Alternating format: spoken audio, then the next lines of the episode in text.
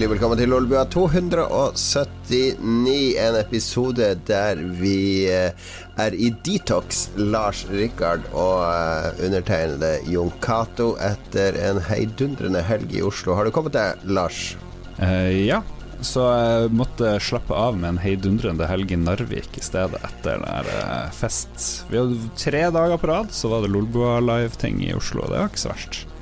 Nei, det, var, det, har folk hørt hvis de har fulgt med i episodene. Der har det vært uh, diverse highlights fra Tiltkast og karaoke osv. Det ble fine episoder der. Godt jobba.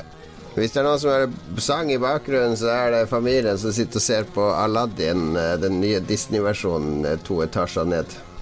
Vi kjøre på med hva vi har gjort siden sist, Lars. Du nevnte tisa litt her i introen. Veldig profesjonell radioteasing der, altså. At det hadde skjedd et eller annet i Narvik denne helga. Ja, jeg er jo i uh, Kan du ikke fortelle, vi har så mange lyttere fra Sør-Norge, hva er Narvik? Narvik, Alle vet hva Narvik er. Det er jo der eh, Det var eh, stedet i området der at tyskerne fikk sitt første nederlag under andre verdenskrig. Det er litt kult.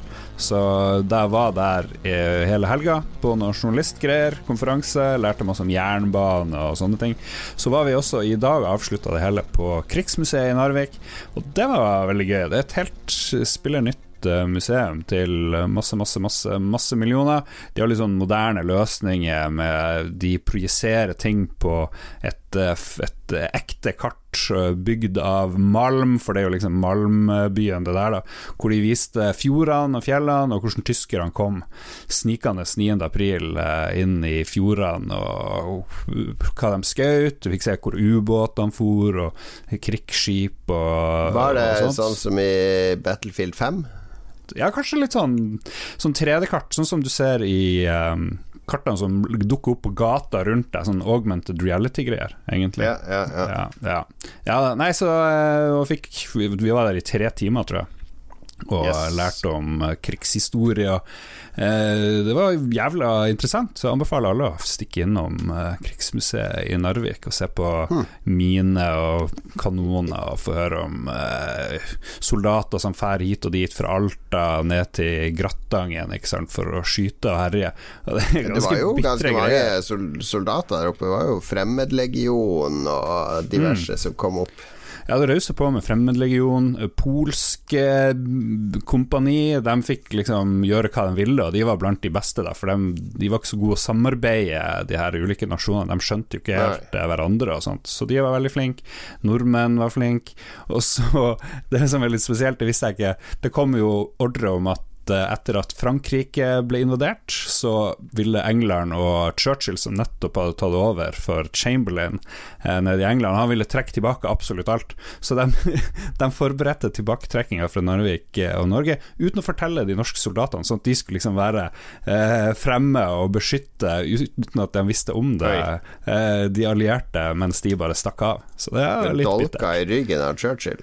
Faktisk, eh, jævla feite idioten Churchill bare stakk av. Og tyskerne drev jo og trakk seg tilbake og skulle fære innover mot Kiruna og bare gi opp eh, der greia, fordi vi klarte jo å slå dem ganske heftig tilbake. Men så bare fant de ut nei, vi må beskytte England og så videre. Så da stakk dem av.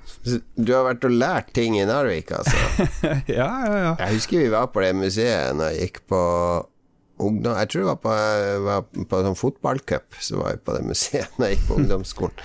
ja. Det eneste jeg husker, var at vi så på feltflaska til en soldat i Fremmedlegionen, for den var liksom delt mm. i to. Den er liksom skilt i to, fordi den ene halvdelen av, av flaska, hvis du drikker den den ene veien, så drikker du vann, og i den andre var det vin. Ah, men det her museet ble ferdig for et par år siden, så det må ha vært det gamle museet du var i. Ja. Men det er sikkert mye ja, av de samme greiene som ligger slengt. Jeg tror de ikke har laga alt på nytt, men at de har beholdt utstillingen. ja, jo da.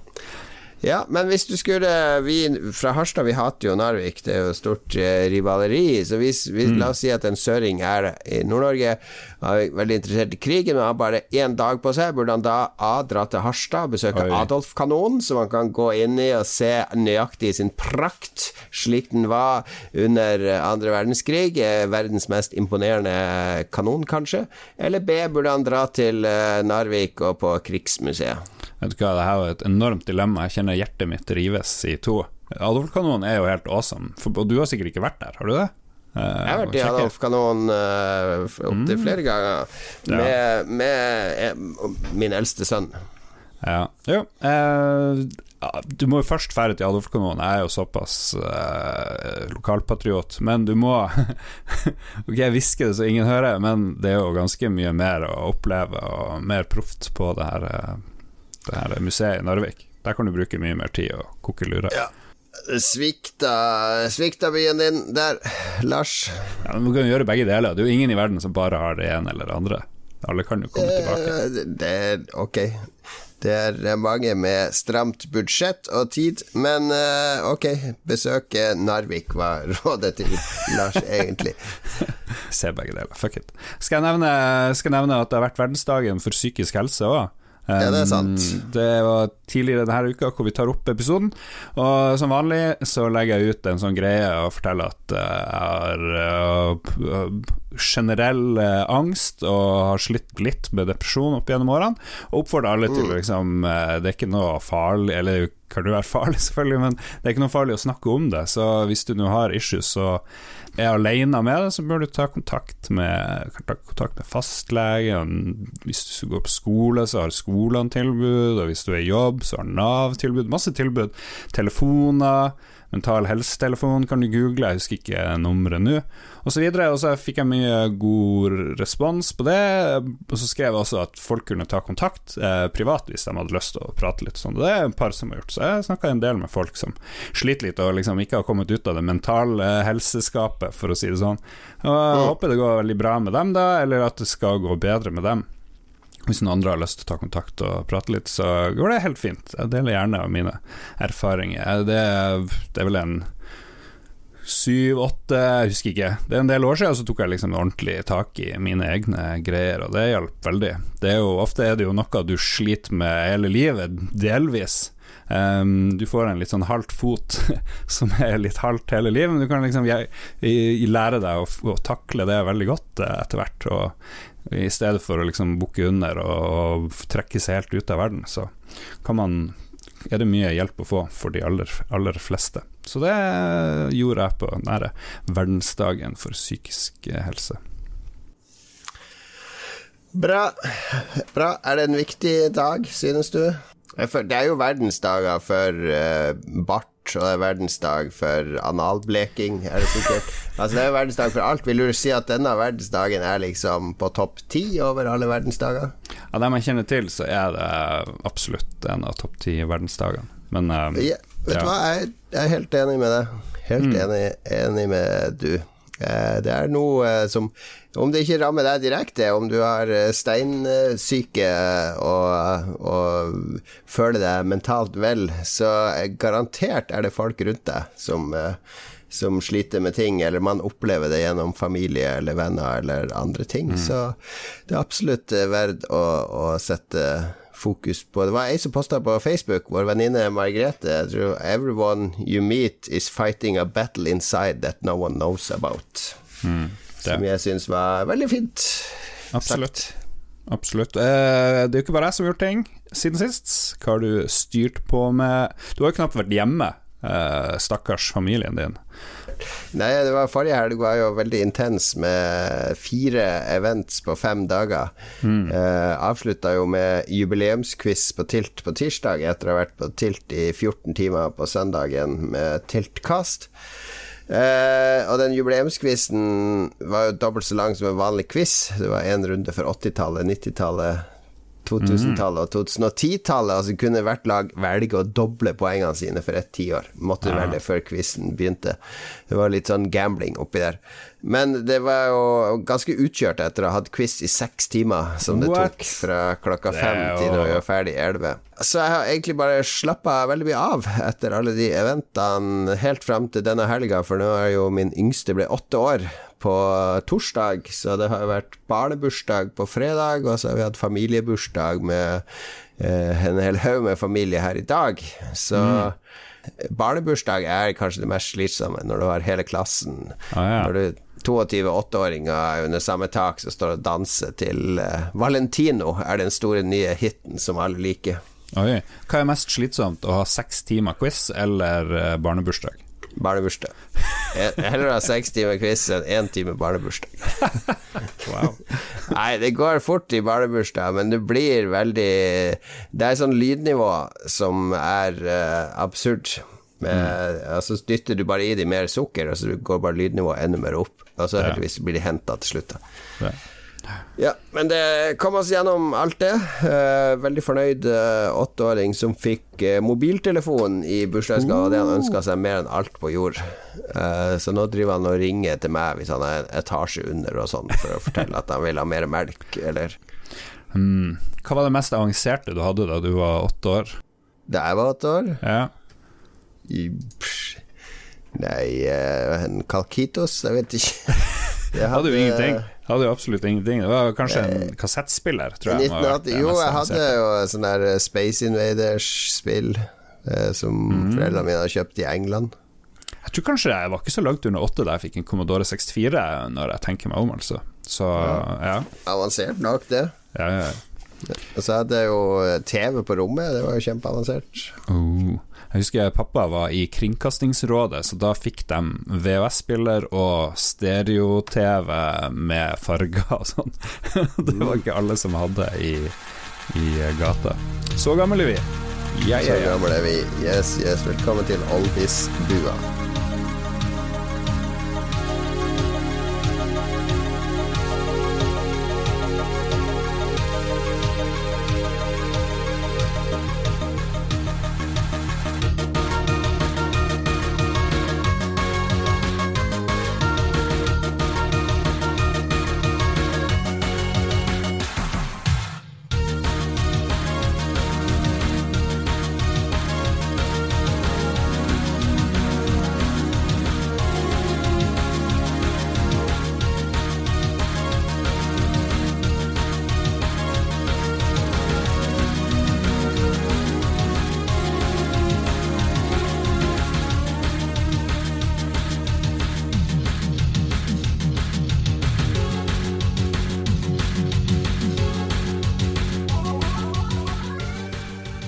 Vi skal snakke litt om uh, dataspill.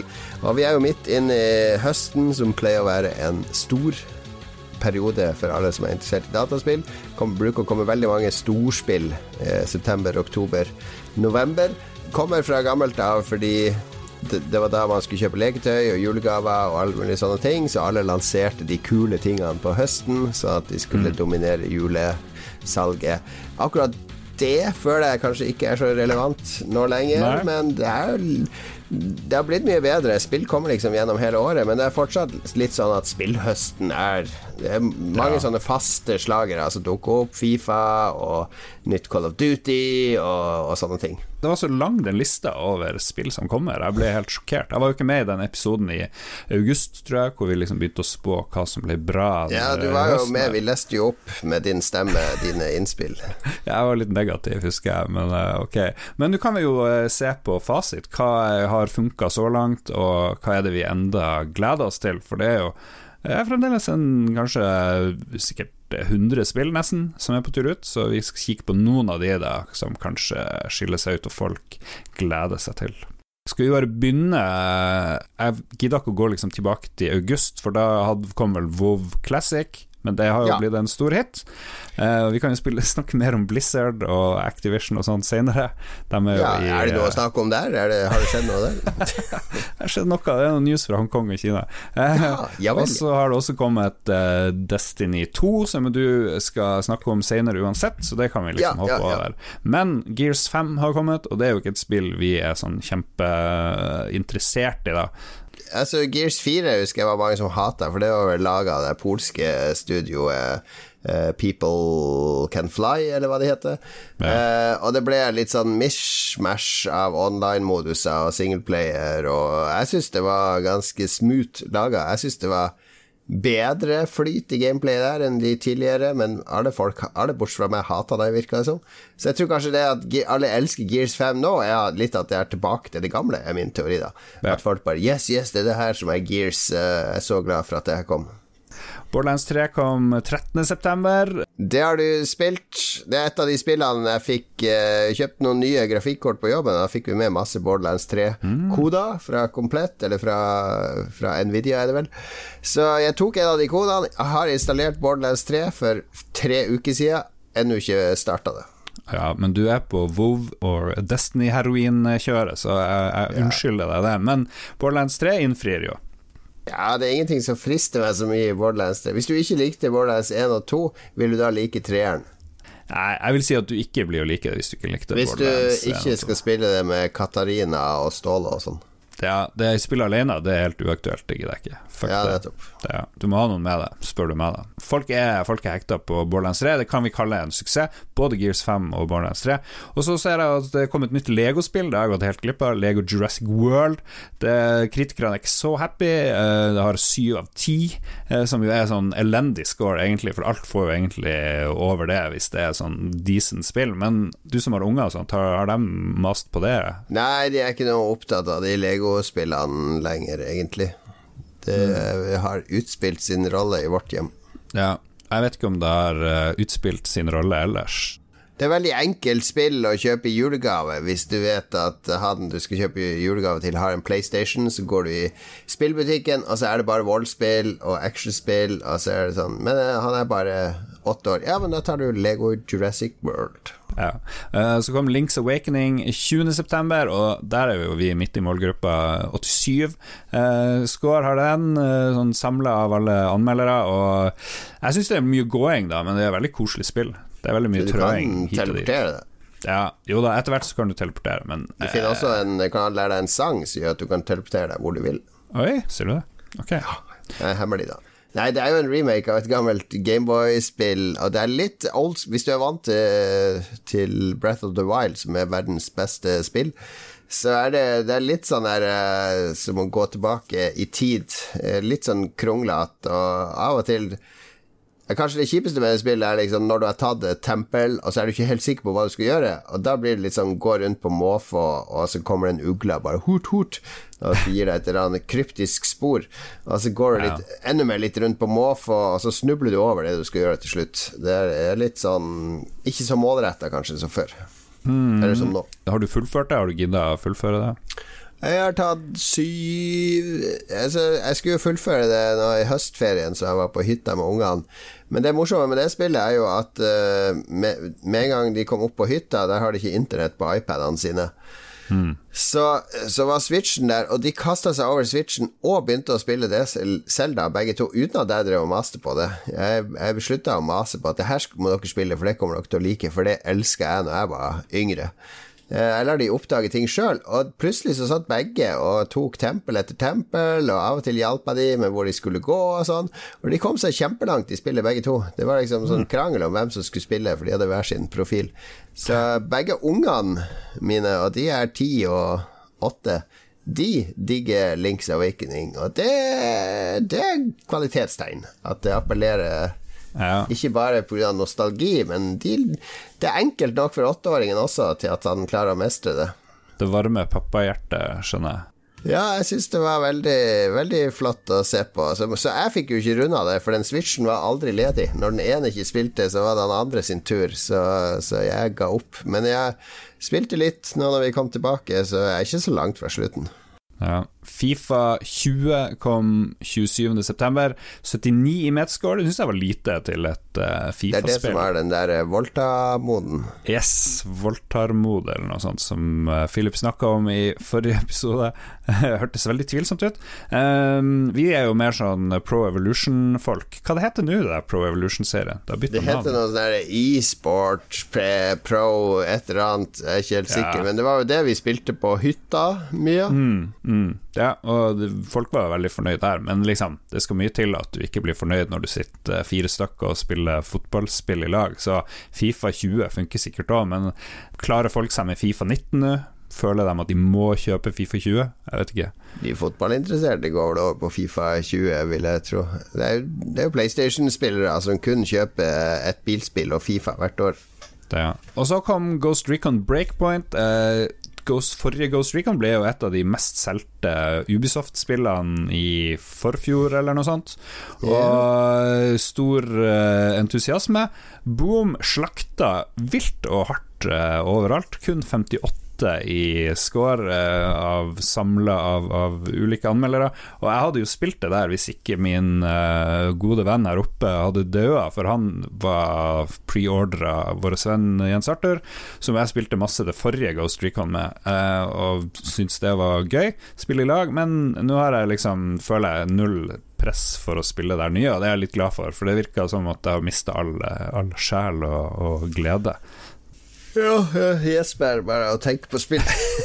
Nei, jeg, jeg, spilte ikke det forrige, men jeg skjønte jo appellen med hvis det er litt sånn Far Cry-aktig åpen verden i Coop, og du kan mm. lage litt sånn kaos med alle de systemene. Ja. Gøy å fly helikopter, det er jo bestandig en vinner. Hvis du kan fly ja, ja, helikopter i lag. Det er dødskult. Men det, som, det virker jo her som de har sluppet det et halvt år for tidlig. Altså, de har bare hatt masse systemer som ikke har fungert akkurat sånn som de vil, Altså bare ok, vi bare får et eller annet som kjører. Og så blir det bare en opplevelse Problemet med sånne spill er at du må tro på opplevelsen og tro på verden, ikke sant. Så mm. det er så mye dissonans i hvordan fiender oppfører seg, og bugs og sånne ting, så ødelegger det veldig mye. Alright, Er det noen spill som har kommet nå i høst som vi har glemt å, å vurdere? Det er det helt sikkert. Så dere får sende, sende klage til Radcrew som vanlig.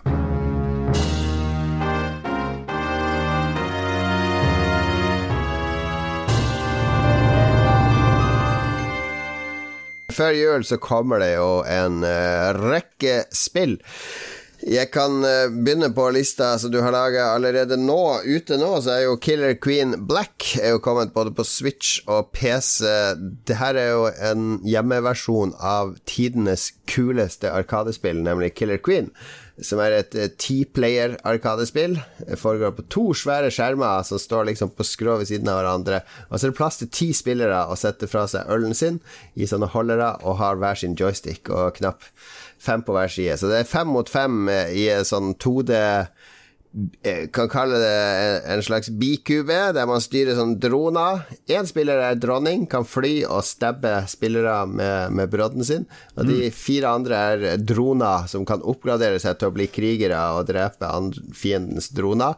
Eller de kan samle mat og sånn. Så det er flere måter å vinne på. Det er laget som samler mest mat, eller det er laget som klarer å ri en snegle på tvers av kartet, eller det er laget som dreper eh, dronninga til, til motstanderne. Har du spilt det? Ja, jeg spilte masse. da Jeg var på GDC og med en bunch Westerdal-studenter. Da putte, jeg tror jeg putta på 40 dollar på den maskinen, så vi sto i en time og spilte uh, Killer Queen. Det er storarta uh, mm. multiplayer action. Hjemmeversjonen er litt tona ned. Det er fire mot fire, litt annet kart.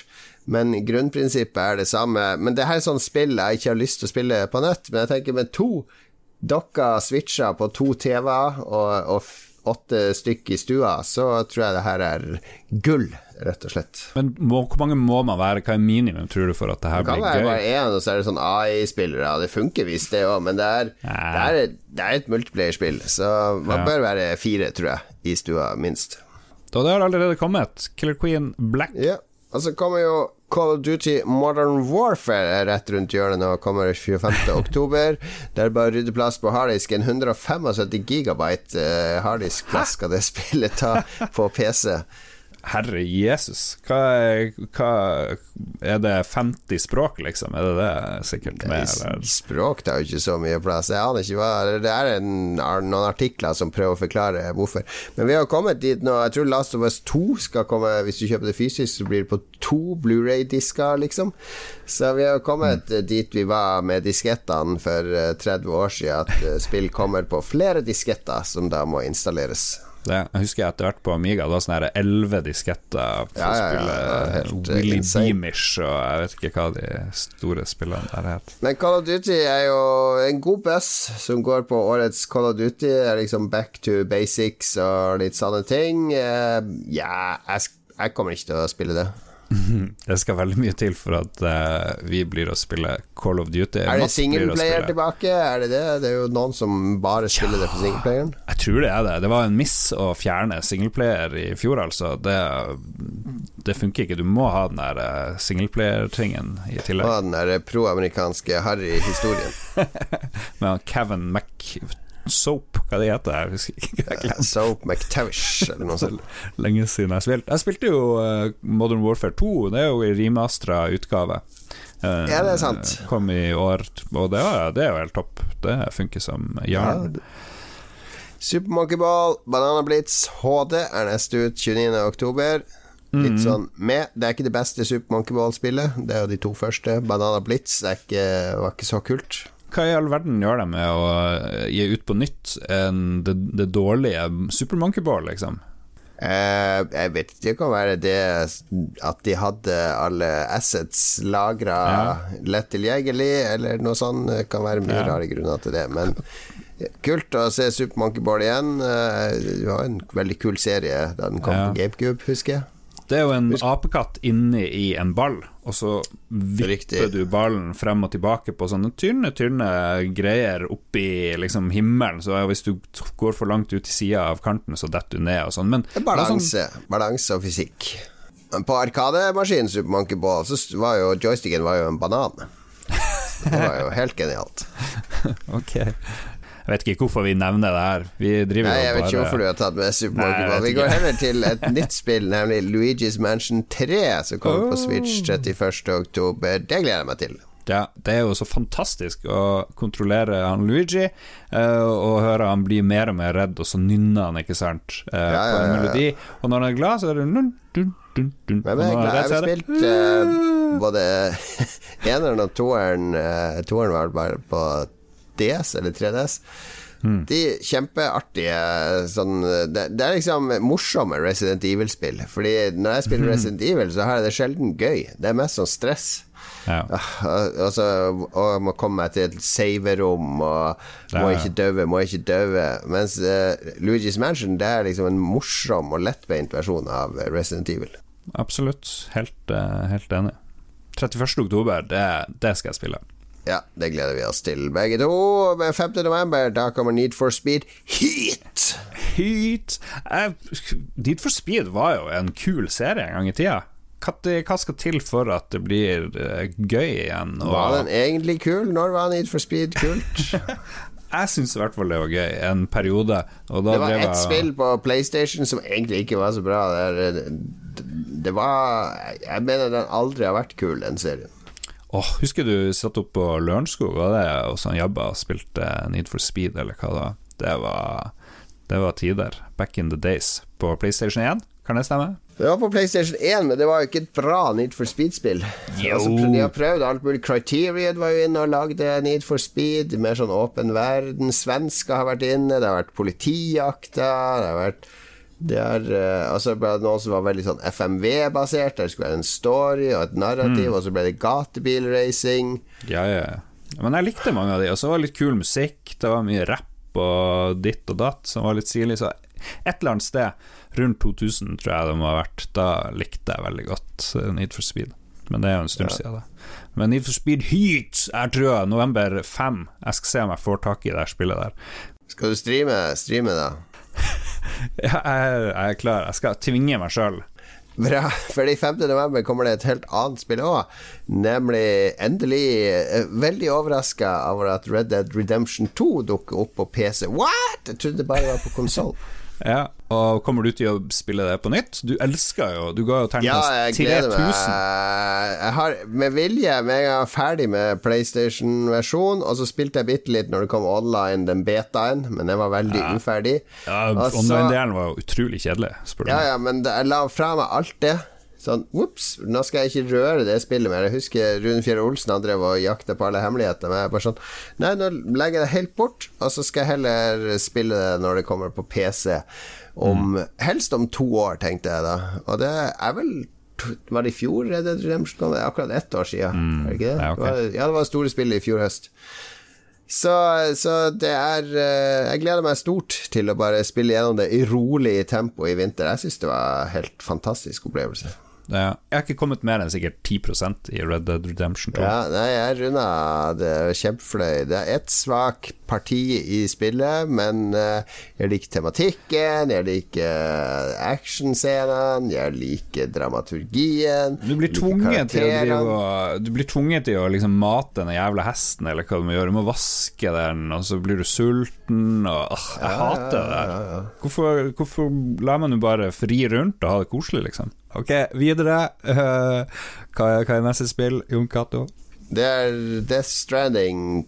Hideo uh. Kojimas uh, nye spill som ser ut til mm. å bli noe ganske spesielt. Eh, kanskje både positivt og negativt. Vi får se. Det er ganske uforståelige ting som vises fra det. Iblanda litt sånn eh, Kanskje ikke alltid like imponerende gameplay-videoer, men mm. eh, det spiller ingen rolle. Det er jo Kojima i fri, fri dressur. Ja, han, han, har jo hatt den der uh, Metal Gear Solid-tvangstrøya på seg i 30 år, sikkert. Eller jeg vet, husker ikke hvor lenge han har lagd uh, Metal Gear-spill. Han, han har vel Ja, det er vel ikke 100% tvangstrøye, for han har jo også laga andre spill underveis, som heter Buktai og Zone of the Enders og masse som har floppa helt. Mm. Så det er bare Metal Gear-serien han har gjort suksess med. Ja. Uh, så det er derfor han har måttet vende tilbake til den alltid. Men nå Det ser jo unektelig interessant ut, det han lager nå. Ja. Er han et geni? Det er jo det vi skal få sett nå, da. Tror du han er en god sjef, han uh, Hideo? Der har jeg hørt både òg, fra folk som har jobba med han. Så jeg, han er veldig Jeg tror han er veldig luftig. Jeg tror han er en sjef som er avhengig av å ha en uh, realistisk produsent ved sida av seg som, der Kojima sier at nå skal vi få griser til å fly øh, ved å bruke Ved å lage en, en mikrochip som opphever gravitasjon. Sett i gang! Og så går han fra rommet, og så sier han produsenten Altså, det holder at vi putter de grisene Få inn noen trampoliner, og så kaster vi noen griser på de. Det, det får holde. Jeg skal kanskje anmelde det for eh, et stort medie i Norge, så det er godt mulig jeg får det allerede nå, straks om en dag eller noe. Spennende. Spennende. Vi har et par spill eh, til på lista. Ja, vi har Star Wars Jedi Fallen Order, som ja. kommer november 15. Uh, eh, jeg måtte se trailer. Det så ut som God of War, bare med Star Wars og lyssabler, eller sånn ish. Ja, men de sier også at det er litt sånn Metroid, at du kan reise frem og Du må reise frem og tilbake. Du, det er litt sånn fri, fri galakse, skal du si det. At du står fritt til å besøke ting i den rekkefølgen du vil. Ja. Jeg hadde ikke fått med meg at det spillet kom før i dag, egentlig. Jeg har kanskje hørt om det, men da jeg så på den lista over ting som kom, bare Star Wars Du hater jo Star Wars nå, så du kan ikke være interessert i det hele tatt. Ja, jeg hater det. Er altfor Det er gått inflasjon i antall lyssabler, og jo flere lyssabler det er, jo dårligere er produktet. Så det har de nye filmene vist. Det er ikke så mye lyssabler i de nye filmene, det var jo verre i Clone Wars og de der ja. tre prequel-filmene. Ok, teorien min trenger litt eh, jobb, men jeg står innenfor den likevel. men jeg, jeg, ser litt frem til Star Wars Jedi Fallen Order, selv om ja, det har ikke kommet så mye bra nytt Star Wars på lenge.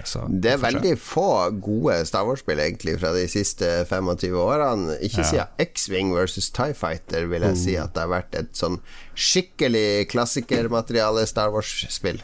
Ja, det var det der BioWare sine eh, Star Wars, eller var vel ett, kanskje bare, adventure-spill. Kotor, de er, de er oppskrytt. Jeg, jeg syns ikke det var bra i det hele tatt. Jeg skjønner ikke hvorfor det skal det var, De er jo på iPad nå. Jeg prøvde å laste det ned for å spille på iPad. Det var, det var komplett uforståelig åssen du skulle Jeg skjønner ikke at du fantasi å spille med de kronglete interfacet de hadde. Uff.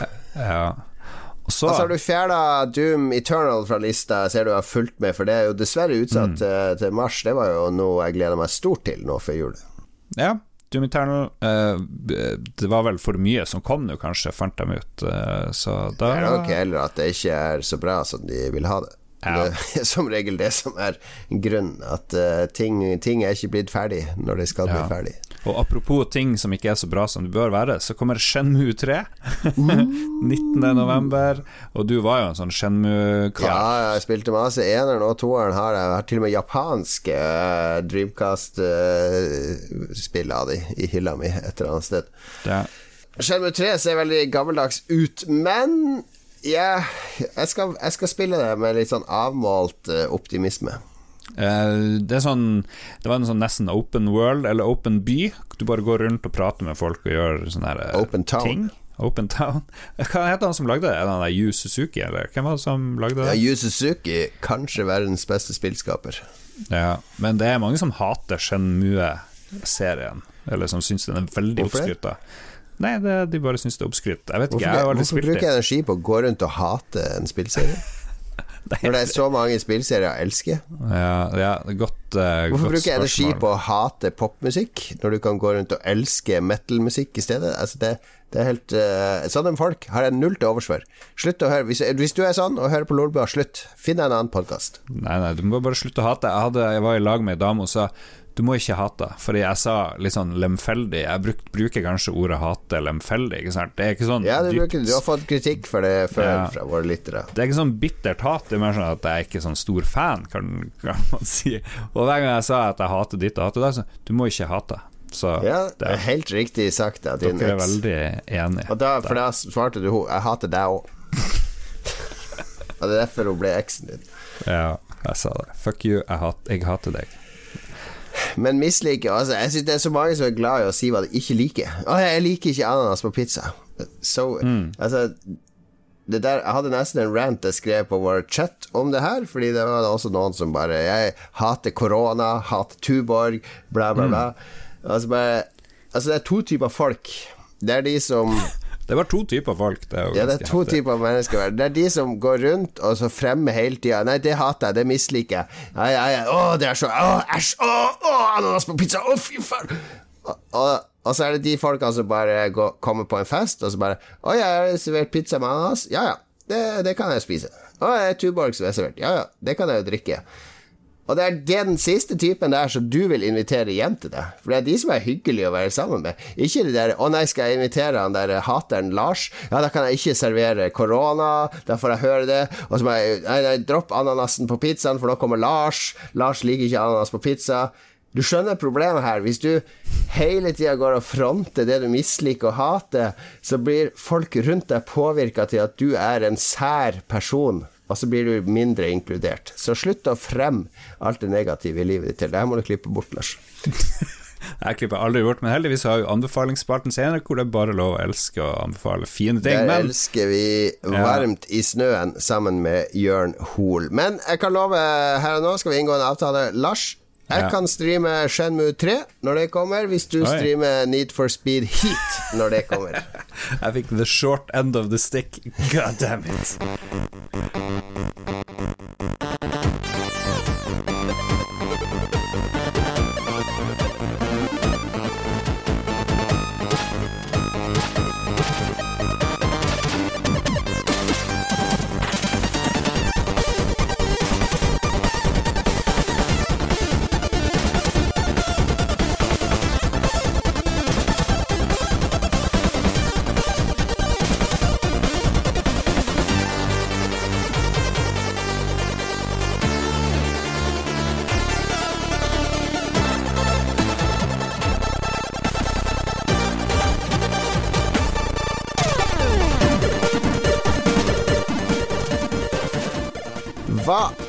Har vi spilt i det siste, da? Nå har vi snakka om det som har skjedd i høst, og det som kommer til å skje i høst. Vi har hatt et retrospektiv og et futuristisk perspektiv på mm. spillhøsten. Jeg kan begynne nå. Eh, jeg har spilt eh, Destiny 2. Er tilbake for fullt i. Eh, aldri vært bedre det spillet enn etter det gikk over til Steam på PC og ble free to play, i hvert fall store deler av spillet. Rydda opp i masse systemer, masse grensesnitt. Uh, boosta Alle karakterer begynner nå på 750. Uh, kanskje litt forvirrende hvis du er ny spiller, men det finnes masse guider for å komme deg inn i det. Og det er så mye content i spillet nå at uh, jeg kan sette av to timer og si at nå skal jeg bare gjøre det og det. Og så går jeg inn og gjør det, og jeg føler at jeg får eh, veldig mye igjen for det jeg putter inn i spillet. Det er jo det som har vært problemet med Destiny før, at du går inn, og så gjør du litt sånne der, eh, ting du er nødt til å gjøre. Mens nå så kan du liksom gjøre det du har lyst til å gjøre, og samtidig få noe igjen for det. Hmm. Hva er det du har lyst til å gjøre? Hva er liksom Hva du, hva du bruker tida di til? Nei, Nå har jeg jo først levela en karakter opp til 900. Og så har jeg begynt å ta litt sånne powerful engrams på ham. Og så har jeg fokusert Det er veldig mye sånn forskjellige bounties nå, da, fra forskjellige. Så jeg har vært mye på sånn Vex-jakt, for det er flere sånne quests som låser opp sånne eh, nye våpen Eh, som du må ta, bekjempe veks for å få da med ulike våpen. Mm. Så jeg driver litt med det nå. Eh, jakter på en ny submachine gun og et par andre ting. Eh, og så skulle jeg egentlig håpa å få spille i kveld. tatt litt Gambit. Det er lenge siden jeg har spilt Gambit med vår venn Matthew McConaghy uh, voice look-alike and The Drifters. Bare uh, ah, ja. hello, hello, hello, let's see what we got here. Oh. Så jeg driver med den high level-karakteren som driver jeg tar jeg, jeg, har også lyst til å ta alle de der um, uh, Hva heter det? Det er fire sånne huler på månen med sånne vanskelige bosser i. Mm. Jeg har en quest for å ta de også. Du, du har veldig mye quester nå for å ta ting, som er uh, mye kulere enn det var før. Jeg har vel 55 åpne quester akkurat nå. Så vanligvis så targeter jeg en av de når jeg går inn. Noen av de er sånne uendelige grinds. Få 200 headshots i Crucible osv. Mens andre er mer sånn gå og ta den lost sektoren, og, og bruk det våpenet uh, masse, osv. Så, så Spiller du alene, eller spiller du med noen andre? Spiller mest alene, faktisk, for å slappe av. Men jeg, driver, jeg leter etter noen å spille litt uh, Nightfall og ta sånne ting med uh, mm. på PC. Uh, Mats vet jeg er litt tilbake nå. min sønn spiller jo ganske mye. Han har jo cleara raid og alt. Får du lov å spille med din sønn? Ja da, av og til. Så det ordner seg nok. Men jeg orker ikke Jeg har sånn vegring for å committe meg til ja, Nå skal vi spille klokka åtte på tirsdag. Det er sånn, mm. å nei, da har jeg faktisk Da har jeg ikke fri den kvelden. Da har jeg faktisk en avtale med folk at jeg skal spille. Ja. Så jeg vil heller droppe inn, altså bare at det kommer organisk. Mm. Ok. Men da jeg ikke har spilt det, så jeg kan ta et spill til, for jeg har jo også prøvd Call of Duty på mobil, som alle ja. snakker om nå. Det har vel fått over 40 millioner nedlastinger siden det ble lansert. Og er jo faktisk superkult, supergøy, supersmooth. Uh, det er sikkert en del botter og sånne ting. Uh, ja, fordi jo... det må vi ta med en gang. Du var jo så fornøyd første gangen du hadde spilt uh, det her, her Call of Duty på mobil. Det var Av 50 kills så hadde du over halvparten av de killene, og du ante ingen, ingen fred og fare. Du trodde du var så jævlig god første gangen du spilte. Jeg hadde jo så mange kills. jo, jo, men det er jo litt urealistisk at du er så kjempegod plutselig på første gang. Så som Jostein Hakenstad påpekte Det sjuende i kampen. Her har du spilt mot masse bots, latt deg lure, men det må jo være ganske overbevisende bots, da, selvfølgelig. Men det ga deg jo en god følelse, du ble jo supergira. Ja, og det er eh, Altså, når du kommer over level 10, så begynner det å bli sånn ranked, og da er det litt vanskeligere motstand. Men det er fortsatt overraskende presist og smooth, og det er liksom Call of Duty-opplevelsen på en liten skjerm. Mm. Men hvis du driver og spiller Call of Duty på mobil, da er du Hvis ikke jeg hadde kjent, kjent det, bedre, så hadde jeg tenkt Ok, hva er det slags douche som sitter og bruker dagen sin på å spille Call of Duty på mobil? Det er ikke en bra look. Hva er det du spiller på mobil da som gjør at du ikke er en douche? Ja, men, men, det høres ikke bra ut sånn hvis du ikke har prøvd det, tenker jeg. Ja, men prøv det, da. Det er jo gratis. Jo, jo, men jeg, hater, jeg liker ikke virtuelle kontroller, og det må jo være det du bruker eh, på det der, er det ikke det? Ja, i betaen så kunne Du kan jo nå koble PlayStation-kontroll og sånn til eh, iPhone. Mm. Ja. I betaen så kunne du styre med det, men det kan du ikke lenger. Så jeg håper, hvis det kommer, så blir det et veldig bra spill på iPad, f.eks. Ja. Jeg avslører jo nå at jeg ser litt ned på folk som spiller sånne eh, FPS-er på mobil, og folk som spiller Call of Duty, så jeg beklager. Jeg må, jeg må bli ja, Negative Lars er talt igjen. Ja, det skal ja. vi gjøre fra Negative Lars, hva han har spilt i det siste som har gjort dem eh, deprimert og enda mer negativ. uh, jeg, har, jeg, har, vært mye på reise, var i Oslo, ikke sant, og nå var det Narvik og mye jobb. Perfekt har... anledning til å spille Call of Duty på mobil når man er ute og reiser og har mye dødtid. Ja, det er i hvert fall en perfekt uh, anledning til å sjekke ut hva som er på Apple Arcade, som er, virker å være verdens beste ting som er i spillverden for tida. For det uansett hva du laster ned, så er det dritbra. Uh, I hvert fall for meg har det vært det. Så nå har jeg spilt uh, Sayonara Wild Hearts. Det kom både til uh, Apple Arcade og til konsoll og sånne ting, så du kan, liksom, du kan finne det uansett. Og det er et ganske sprøtt spill.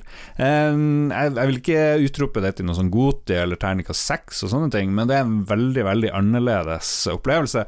Det starter med at du er jente, og så snus huset ditt opp ned, så detter du ut av eh, takluka, og så drar du og flyr borti gjennom. Litt sånn som, eh, hvis noen husker de Sega-greiene, Nights Into Dreams. Det er en blanding av veldig mye rart. Eh, jeg besk prøver å beskrive det fortvilt, det jeg har spilt så langt, som en slags Jeff Minter sin Tempest, for noen ganger så snurrer du personen din rundt skjermen.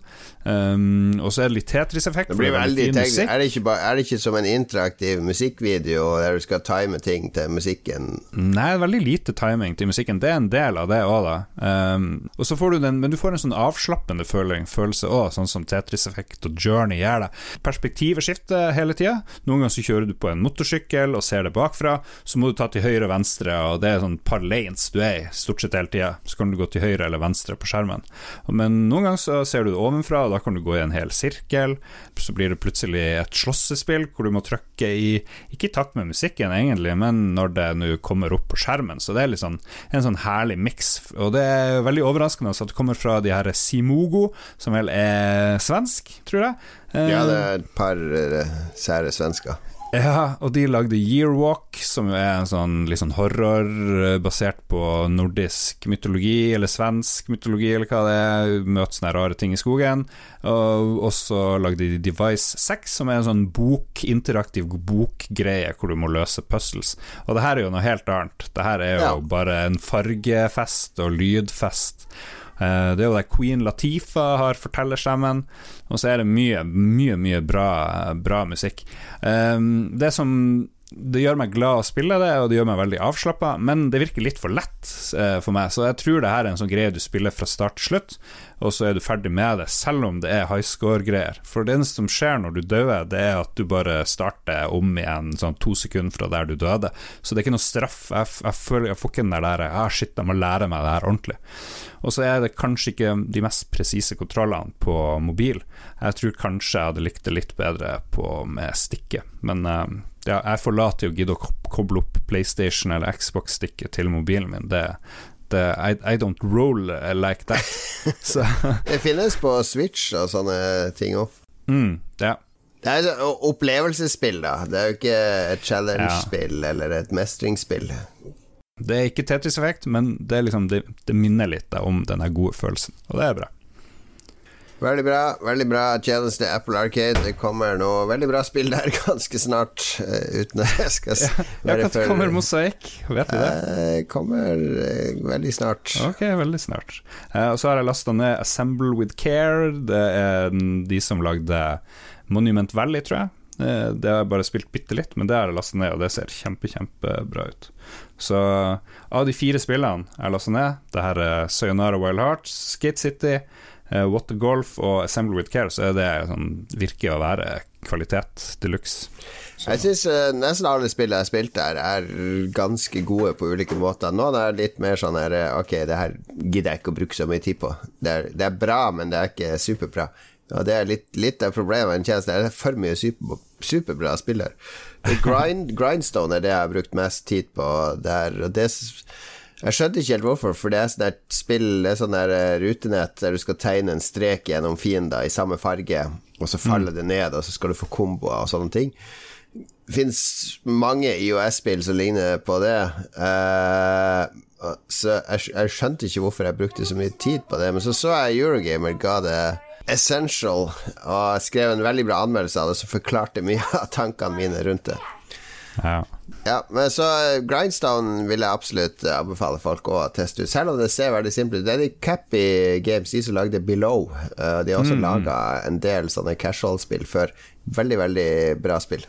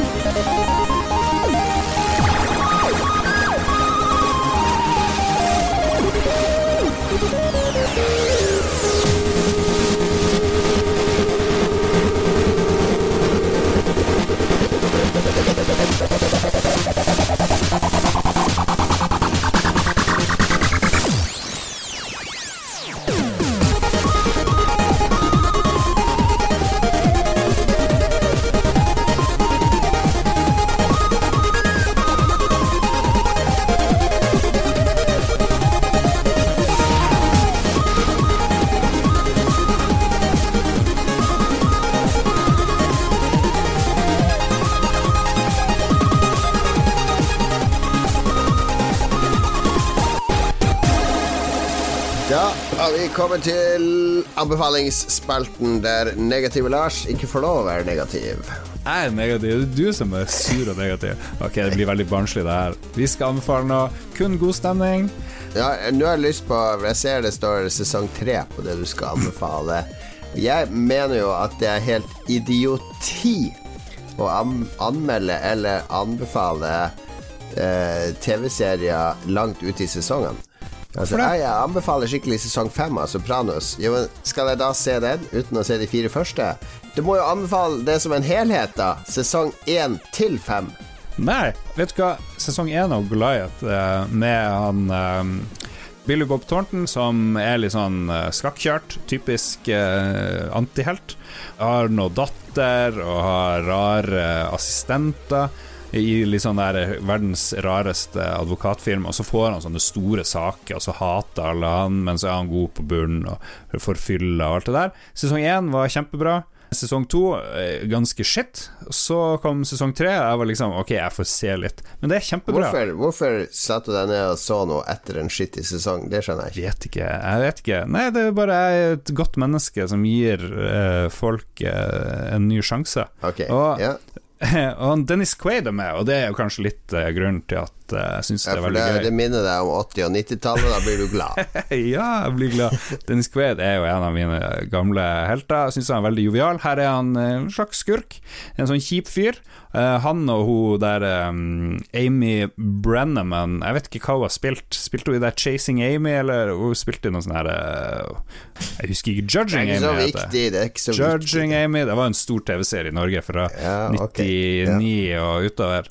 Judge Amy, er ikke det hun der som Der de har sånn strid om du bygde gjerde, eller epletreet ditt falt på gården min? Ja, Judge Judy. Nei, Eh, hva heter det? Judge Judy, det, ja. ja.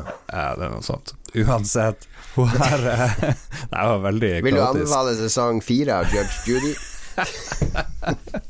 Ja, det syns jeg alle skal se. Amy Brenneman og han Dennis Quaid spiller en sånn skurkepar jævlig bra. De er skikkelig konge. Og så har de sånne rare barn som er bare weird. Jeg får òg den der Twin Peaks-feelingen litt uh, av den her sesong tre av Goliath. Da må jeg spørre, det er mitt oppfølgingsspørsmål. Har du noen gang begynt på en serie uh, i en sesong som ikke var sesong én? Altså hoppa inn i en serie midt i en senere sesong? Jeg har ikke gjort det, men hvis noen sa det til meg, hvis en solid og positiv mann som Lars Rikard Olsen sa det, så ville jeg gjort det uten å nøle. Ja, for det er det jeg lurer på. Jeg tror folk vegrer seg for det på samme måte som de ikke vil ha spoiler. Så er det sånn Ok, jeg må ha opplevd Jeg, må, jeg vil gjerne ha hele opplevelsen, da. Så det, det var bare derfor jeg ville diskutere det der, om det Ja, var ja. noe poeng i å anbefale en spesifikk sesong. Jeg vet ikke, men nå anbefaler jeg òg sesong én, da, men ikke yeah. sesong to. Men eh, når jeg hører på en ny podkast, er det veldig sjelden jeg gidder å gå på episode én og høre 200 episoder. eh, Det, det For eksempel. sant. Det er sant. Jeg skal ikke anbefale sesong to, tre, fire, fem eller seks ennå. Jeg skal anbefale en dessert. Eh, Faste mm. lyttere vet kanskje at jeg ikke er en dessertmann. Jeg liker ikke kake og sånn søtsaker etter maten. Det syns jeg er Hmm. Ja. eh, litt unødvendig. Jeg spiser heller forrett. Hvis jeg får velge mellom forrett og dessert, velger jeg alltid forrett. Men ok, for vent litt. Jeg har fått sykt mye kritikk når jeg kommer med matretter og Toro fiskesuppe, krema fiskesuppe og sånn, og nå kommer du altså med en dessert. Jeg vil Jeg bare pe- veldig påpeke det. sjelden kritisert Eneste matretten jeg husker jeg kritiserte, eh, er vel når du Gatekjøkkenet i Harstad, noe sånn kotelett eller noe sånn fyllemat Ja, ja. som du bare får i Harstad. Jeg har sjelden kritisert badeskummet og de andre matrettene du, du spiste middag. Ok, vi kan gå videre. Men jeg skal anbefale Uh, faktisk en dessert jeg kan spise, eller en dessert som jeg spiste i dag, som jeg kom på. Dette var jo faktisk min favorittdessert uh, av alle desserter. Det er ikke kake, det er ikke noe sånn fancy pants uh, du får på restaurant. Eh, Hvorfor, hva, hva er galt med fancy pants? Skal du liksom kritisere Nei, spesielt på restaurant. Hvis du bestiller dessert på sånn fine restaurant, så skal det være sånn syv forskjellige smaker. Det skal være salt og søtt og karamell og, Ja. og alt sånt. Det, blir, det, er, det er bare sånn overdådig jåleri. litt sånn elitismekritikk uh, ute og går her? Nei, men jeg liker at de andre rettene er komplekse, men desserten er uh, unødvendig. Det skal være så enkelt som mulig for deg. Iskrem er liksom, har vært min go to dessert. Gjerne bare vaniljeis. Mm. Helt greit. Det, det er fokusert og, og greit. Tressis. Hva om du hadde fått en Snickers til dessert? Ville du vært fornøyd med det? Jeg er allergisk mot peanøtter. Okay. det hadde vært faktisk en dødelig fornærmelse. Jeg hadde unfrienda vedkommende Kvikk på Lunsj. Facebook. Kvikk Lunsj til dessert. Kvikk Lunsj kunne jeg spist, men det er ikke en dessert heller. Det er jo lunsj. Det står jo i ordet. Ja, Men du liker jo ikke dessert, så da må man jo gjøre noe annet som er litt godt. Det skal jo være litt søtt, det er jo poenget. Det skal være litt søtt. Kaffe er bra dessert. Det, Det er jo ikke dessert, da. Nei, men det du kan gi meg, er jo det jeg skal anbefale nå.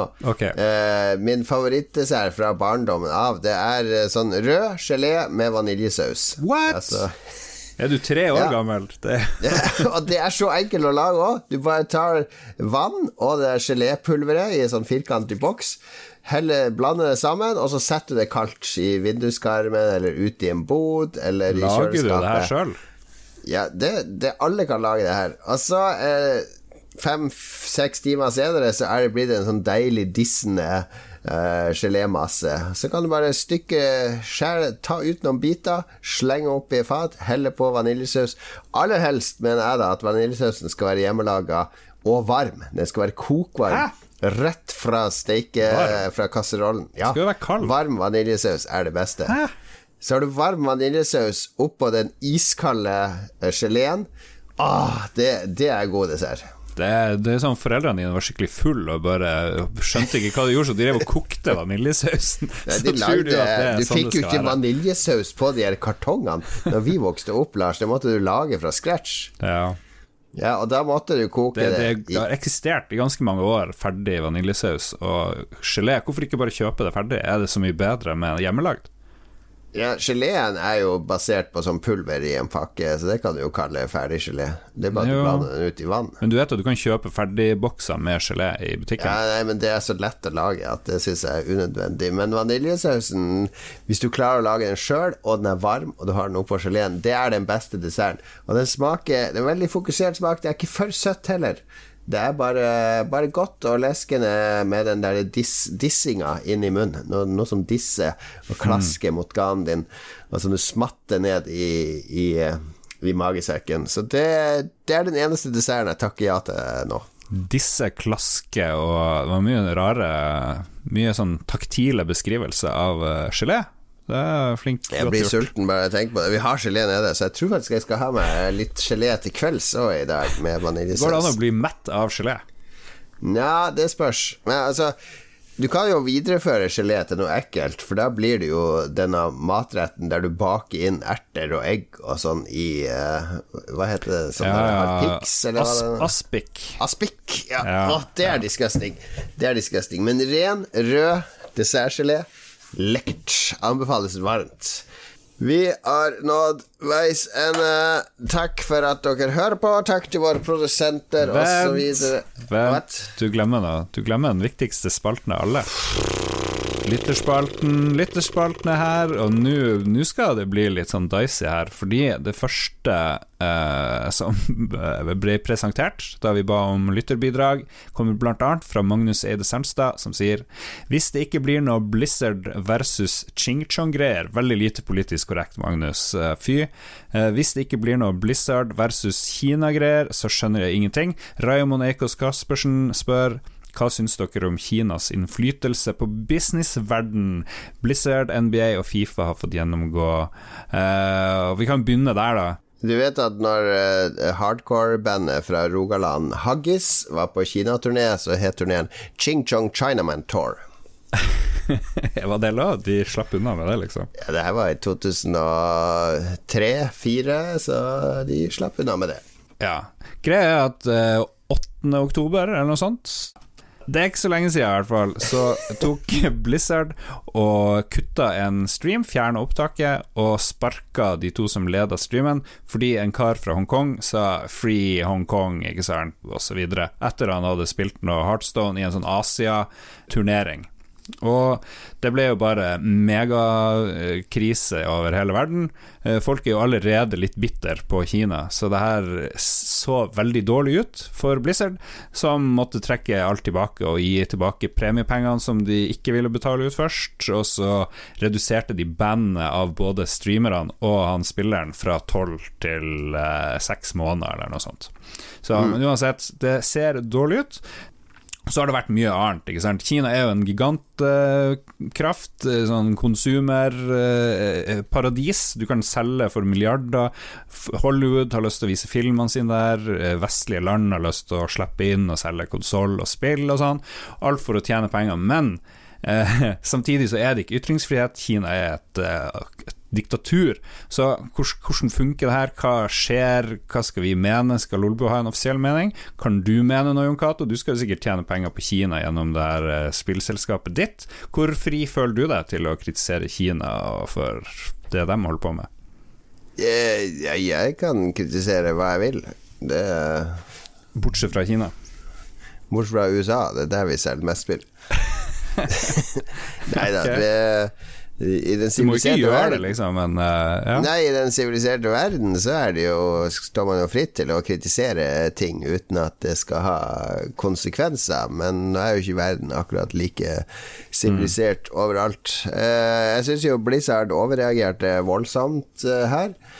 Så, så, så, men så er det å sammenligne litt med sånn vanlig sport. Mm. Uh, hva hadde skjedd hvis en kinesisk spiller i fotball, hadde landslagsspiller eller noe sånt, hadde sagt noe lignende? Eller en kineser på Manchester United hadde benytta anledninga i intervjuet til å si det. Jeg, står, jeg, jeg, kommer ikke på noen idrettsutøvere som har uttalt seg om noe politikk, egentlig, nå når det har vært friidretts-VM i uh, i et av de virkelig fæle diktaturene, eh, der stadionet har blitt bygd av slaver fra Afrika, og det, mm det er ganske kritikkverdige menneskerettighetsbrudd i det landet. Så har liksom alle reist ned, og får, de, de, sier ikke noe negativt om landet og sånn. Og så NRK hadde en debatt mm. om det. En av kommentatorene i NRK kom med noen ganske vettuge innspill der, og, Men det er liksom Det er veldig ja. sjeldent at folk bruker den plattformen de har fått, til å fremme veldig politiske saker, føler jeg da. Ja, eh, Men betyr det at de ikke skal gjøre det? Jeg tror jo at det er restriksjoner på det i idretten. At NFF har sagt 'ikke uttal dere om det her når dere er i Kina' og sånne ting. Tror du ikke ja, For de vil jo ikke tape penger, ikke sant. Så det er jo et veldig dårlig argument for å ikke kritisere menneskerettighetsbrudd, f.eks. Det er det. Jeg syns jo folk penger. skal bruke den plattformen de har bygd opp, sånn som Sofie Elise bruker sin plattform til å snakke om palmeolje og og mm. andre ting. Så jeg syns det er tap at folk bruker den plattformen de har eh, bygd opp. Men det går jo også på Skal de bare si det vi er enig i? Altså Hvis det hadde vært en uh, Heartstone-spiller som, uh, som sympatiserte med Hitler, skulle vi da oh, ja, det, det står fritt til å si meninga si? Eller hvis han pro Trump, eller uh, Altså, hvor, hvor, skal grensene gå for hva slags politiske ytringer og standpunkt man kan bruke plattformen til Blizzard eller andre for å eh, fremme kampsakene sine på. Men du kan jo ikke bruke argumentet om at du kan ikke være rasist på lufta med at du kan ikke støtte et folk sin frigjøringskamp, liksom. Det blir jo det er jo det helt motsatte. Men uansett, hva, hvilke konsekvenser vil det her få for Blizzard, hvis noen, tror du? Eh, nei, det, de får jo massiv kritikk og kommer med ganske dårlig tilsvar fra den der eh, toppsjefen. Mm. et av tidenes dårligste tilsvar, vil jeg si. Så men det, konsekvensen er vel Jeg tror ikke det blir så store konsekvenser. Jeg tror de venter til noen andre blir bad guy til EA innfører noen nye mikrotransaksjoner. Så mm. det er det som er det vi skal hate denne måneden. Ja. Uh, folk vingler jo ofte mellom kampsaker, så jeg tror bare de ligger lavt nå og håper at det skal blåse over. Men det kan bli interessant å se på BlizzCon. Ja. Eh, og så fortsetter han eh, Raymond Eikos Kaspersen og nevner at Tencent eier Jeg vet ikke hvor mange prosent det er i Funcom, som kan bli interessant å se om det blir noe issues der.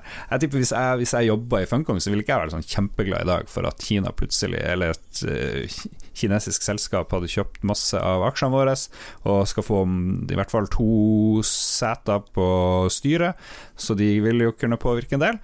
Kan, kan Funcom nå ikke kritisere Kina? eller vise støtte til Hongkong eller Taiwan i det hele tatt. Eh, og så sier han til slutt at Kina trenger ikke bruke militærmakt, for de kan allerede styre verden eh, økonomisk. Ja, det Ja, jeg er litt enig. Vi, har, vi, er jo superavhengige. De her uh, mobiltelefonene våre De er jo dritbillige uh, relativt sett, fordi de er lagd i sånn ganske kjipe kår i Kina, ikke sant. Så ja vi, vi, vi har blod på hendene våre allerede gjennom alle tingene som, som vi handler med et diktatur som driver har konsentrasjonsleirer for muslimske minoriteter og forfølger kristne osv. Har vi lyst til å gjøre det? Jeg vet ikke. Litt usikker. Så dagens politiske hjørne i Lolbua, vær så god. ja, nei, jeg, jeg, tror Tencent eh, blander seg ikke så mye opp i hva Epic eller Funcom eller andre Laget de Tencent har en milliard investeringer i tech-selskaper over hele verden. Det er litt sånn det norske oljefondet Folk kan jo kritisere Norge så mye de vil, uten at det norske oljefondet skal trekke ut sine aksjer fra alle selskaper i hele verden, som stort sett vi har aksjer i. Jo da, men nå er jo ikke Kina et vanlig land, sånn som Norge. De er et uh, diktatur, og de kan fengsle folk uh, sånn som de vil, og drepe folk og så, så videre. Så, ja, Problemet her er jo at, uh, at veldig mange store selskaper gjerne vil inn på det kinesiske markedet, fordi det er 15 av jordas befolkning eller noe sånt er vel kinesere, og det er et veldig kjøpesterkt marked hvis du kommer inn der. Eh, så Derfor mm. dummes jo Hollywood-filmer ned, fordi de skal inn på det kinesiske markedet. Det er mindre dialog enn noensinne i de store blockbusterne, fordi for mye dialog, det liker ikke kineserne. Alltid med en asiatisk vitenskapsmann eller helt som skal redde dagen. Det er aldri mer kinesiske skurker i de store actionfilmene, fordi man vil ikke støte noen i Kina. Uh, jeg syns jo det er superproblematisk. Og det er et problem som du veldig fort kan løse ved å redusere budsjettene og så drite en lang kabel i at filmen din skal ut i Kina. Lag den heller for mm. oss i Vesten og uh, ha realistiske inntjeningsbudsjett i stedet for denne kapitalistiske tankegangen om at the sky is the limit, og vi må hele tida nå flere og flere mennesker. Det var min lille rent. ja, herlig. Tencent har vel kjøpte vel ut ek eh, noen eksisterende aksjonærer. Det er jo ikke nye aksjer som har blitt laga for at Tencent skulle inn, så det er, det er sikkert Uh, en del positive ting med det for Funcom. Uh, om det påvirker Jeg vet ikke, Secret World foregår jo vel i Hongkong og Kina. Det, folk kan jo følge med der. Om det plutselig blir masse endringer i The Secret World, som er et online rollespill som du kan spille nå. Blir det mm. plutselig masse bytta ut i Kina for at det skal fremstilles bedre, eller blir det ikke? Altså, prøv å etterforske dine konspirasjonsteorier i stedet for bare å sitte og vase med hodet opp i skyene og tro at uh, alle er ute etter å ta det. Ok, mist, du mista meg litt på slutten der. Nei, alt jeg sier er hvis du er bekymra for at Tencent skal påvirke Funcom, eh, at mm. Funcom ikke skal kunne kritisere Kina, så ta og se på The Secret World-spillet til Funcom, som ja. allerede foregår deler eh, masse i Kina eller Hongkong eller hvor det er, og se om ting er blitt endra eller bytta ut. Ja. Så, så, har du konkret bevis på at det har det. Men Tencent er jo en investor. Ville du heller at hadde det vært bedre om f.eks. Eh, Donald Trump sitt eh, holdingselskap hadde kjøpt de 31% aksjene i Funcom? Hadde det vært positivt? Eller hvis et russisk selskap hadde kjøpt det? Eller altså hvor uh... Det er så stor forskjell, du kan ikke sammenligne det. Alle kan stå på gata og rope 'fuck Trump' uten å bli arrestert, men det kan du ikke gjøre i Kina. Så det er jo reelle forskjeller. Men uh, jeg er med på at uh, vi kan følge med på hva som skjer med Funcom. Men det er jo bare han Raymond spurte jo bare Kan Funcom kritisere Kina eller vise støtte til Hongkong? Det er, det er jo et interessant spørsmål, så tenk på det. Ok, er vi ferdig med Kina? Ja da, vi kan gjøre oss ferdig. Men jeg ikke, vil ikke tro at jeg er sånn Kina-lakei og, og snakker det. Jeg er litt sånn djevelens advokat her nå. Jeg syns det er kjempeproblematisk med Kina, men jeg syns også det er kjempeproblematisk med global kapitalistisk storindustri.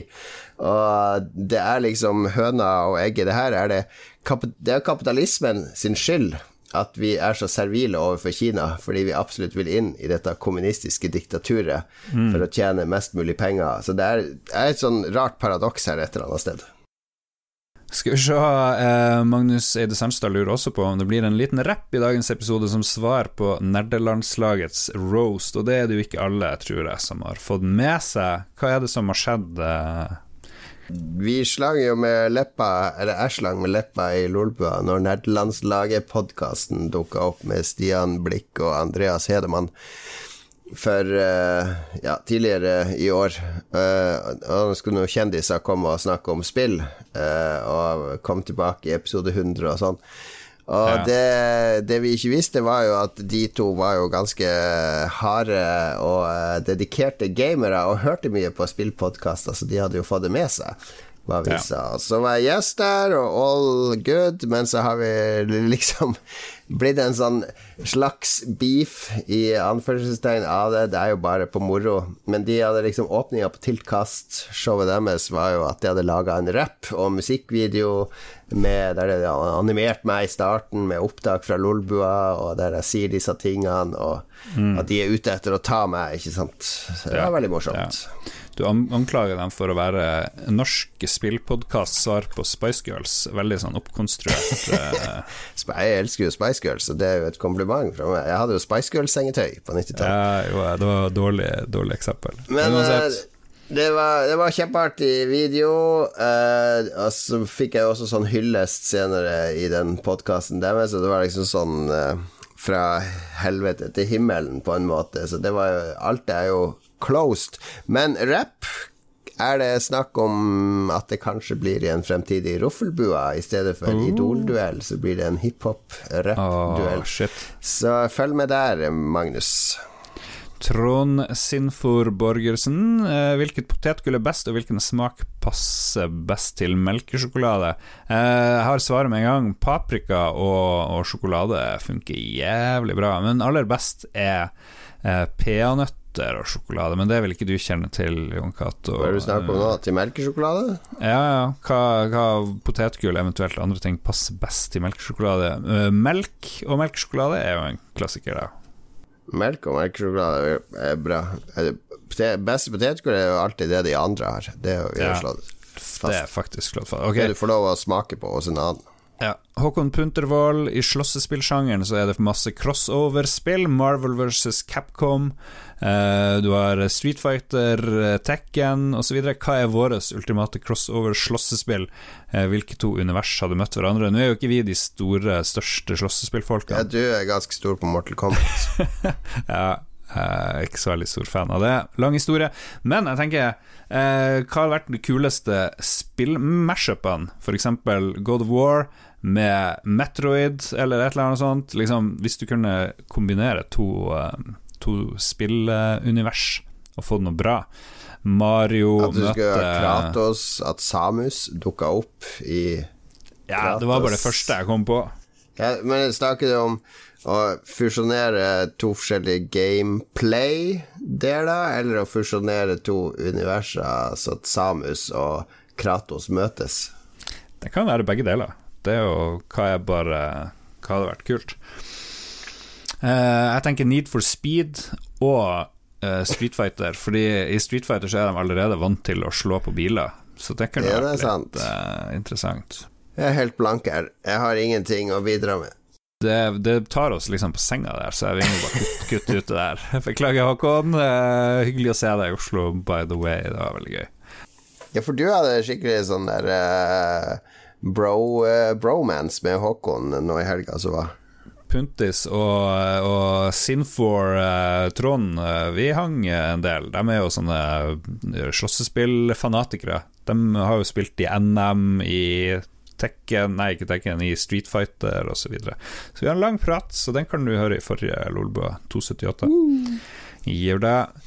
Og Kristoffer Getboys Hansen Leistad, hva er det beste mobilspillet på markedet, og hvorfor er det My Child Lebensborn? Eh, det er et godt spørsmål. Eh, vi har allerede, allerede snakka om masse gode mobilspill Ja, som du fikk. Apple Arcade har eh, det beste av mobilspill på markedet Ja. akkurat nå. Kjøpt og betalt. Kjøpt og betalt. Kjøpt, du er jo faktisk kjøpt og betalt. Det er jo derfor jeg har disclaimer. Jeg er kjøpt og betalt, sorry. Ja. Uh, Martin Pettersen vil ha flere kjøttfrie dager i uka, men har et problem. Vegetarmat som skal ligne på kjøtt, er utrolig kjedelig. Tips til vegetar-matretter. Og det enkleste svaret er jo fisk. Ja, du Fisk er jo veganer, Lars. Ja, ja, ja. Nei, nei, nei, nei, nei, nei, nei. Det er, hvis du spiser fisk, så er du piskotarianer, ikke vegetarianer. Jeg tror vegetarianere kan spise fisk òg. Nei, da er du piskotarianer. Uh, ok, men en veganer sånn som meg i hvert fall kan spise fisk. Det er ingen problem. Min definisjon av veganer er konge. Din definisjon av veganer er jo Spock i Star Trek. Ja. Uh, og så kan vi ta med, fordi vi snakka jo om hvilke spill vi ser frem til, og så fikk vi bare sånn kjappe tre innspill fra lyttere. Luigi's Mansion, Christopher Gettoboy Sansen Leistad, uh, det er vi helt enig. Og så Helge Larsen, Outer Worlds. Og det er noe Hvorfor sånn hadde du ikke med Outer Worlds på den Jeg vet lista? jo, for de hadde det med her. Både Øystein Reinertsen og Helge Larsen uh, anbefalt Outer Worlds. Jeg vet jo egentlig ikke hva det er, men er det sånn Fallout-aktig? Det er vel Obsidian, er det ikke det som har laga det? Ja, De som Obsidian. Fallout New Vegas, så det er sånn åndelig oppfølger til Fallout New Vegas Mm. i space. Ja. Ja. Og de er veldig flinke på storylines og karakterer og uh, overall worldbuilding sånn sett, så det er veldig, veldig mange som tror at det skal bli liksom det Fallout 5 som vi aldri fikk. I stedet fikk vi den der store fadesen i fjor, uh, Oddline Fallout 76. Uff. Skal vi se, jeg tror det, det kom nettopp release date til uh, of Worlds 25. oktober. Det er jo snart, det er bare tolv dager til. Soon, soon. Lars lover, siden han glemte det, at han skal streame det òg. nei, nei, nei, nei. Du tar det, du tar det helt av. Hva du skal gjøre nå, da? Klokka er kvart på ni. Vi har holdt på ganske lenge, faktisk. Halvannen, 1 time og 40 minutter solosending. Det var jo ikke planen. Det er jeg. Latterlig. Jeg skal gjøre meg ferdig med en kampanje her i eh, Seventh Continent, som ligger på gulvet bak meg her. Oh. Eh, jeg driver og spiller kampanjen The Voracious Goddess. Helt på slutten. Jeg tror jeg faktisk har en mulighet til å klare den kampanjen. Det har jeg holdt på med i nærmere syv timer, det spillet, eh, over uh, den siste måneden. Det er et unikt brettspill som du kan lagre underveis. Eh, Jeg tror jeg snakka om det før. Det er sånn de gamle Steve Jackson-bøkene. Bare med kart-tiles og ting som dukker opp, og randomme ting, osv. Jo, vi har uh, Vi snakka om det, så det høres kult ut. Vi må takke våre produsenter. TTMXMP, Kobrakar84, og altså, Kobrakar heter vel egentlig Kenneth Bekkevar, og så er det Rolf Helge Øvergård Ingebrigtsen. Tusen takk til dem. Korrekt. Husk at du kan eh, følge oss på alle sosiale medier, og du kan støtte oss Ja. på Patreon. Og så kan jeg si at vi nå planlegger noe Det er veldig planleggingsstadiet, sikkert blir noe av, så jeg kan ikke si så mye om det. Men det er noe som ikke kommer til å skje i Oslo, men på den nordligere delen av eh, Norge. Da ikke i Harstad heller, men i Nord-Norge et sted planlegger vi nå til eh, januar. Vi får se om det blir noe av. Det må vi jo klare. Det hadde vært veldig kult. Ja, det er, det er så mye tilskudd og sånn du kan få opp i Nord-Norge, jeg har hørt, så det burde gå an. Eh, Vi er jo både samisk og kven, tror vi, så da er det jo ikke noe problem. Vi Jeg kan søke kulturtilskudd både fra norsk, samisk og kvensk forbund. Og inuittisk og gresk, faktisk, tror jeg. Det er du som er han der grekeren. Ja, du ser det. Typisk Ja, ja. gresk. Grekeren og inuitten takker for seg. Takk for at du hører på Lolbua. Det setter vi veldig pris på. Vi er snart oppe i 300 episoder. Tenk, tenk, tenk. Ha det godt! Ha det bra.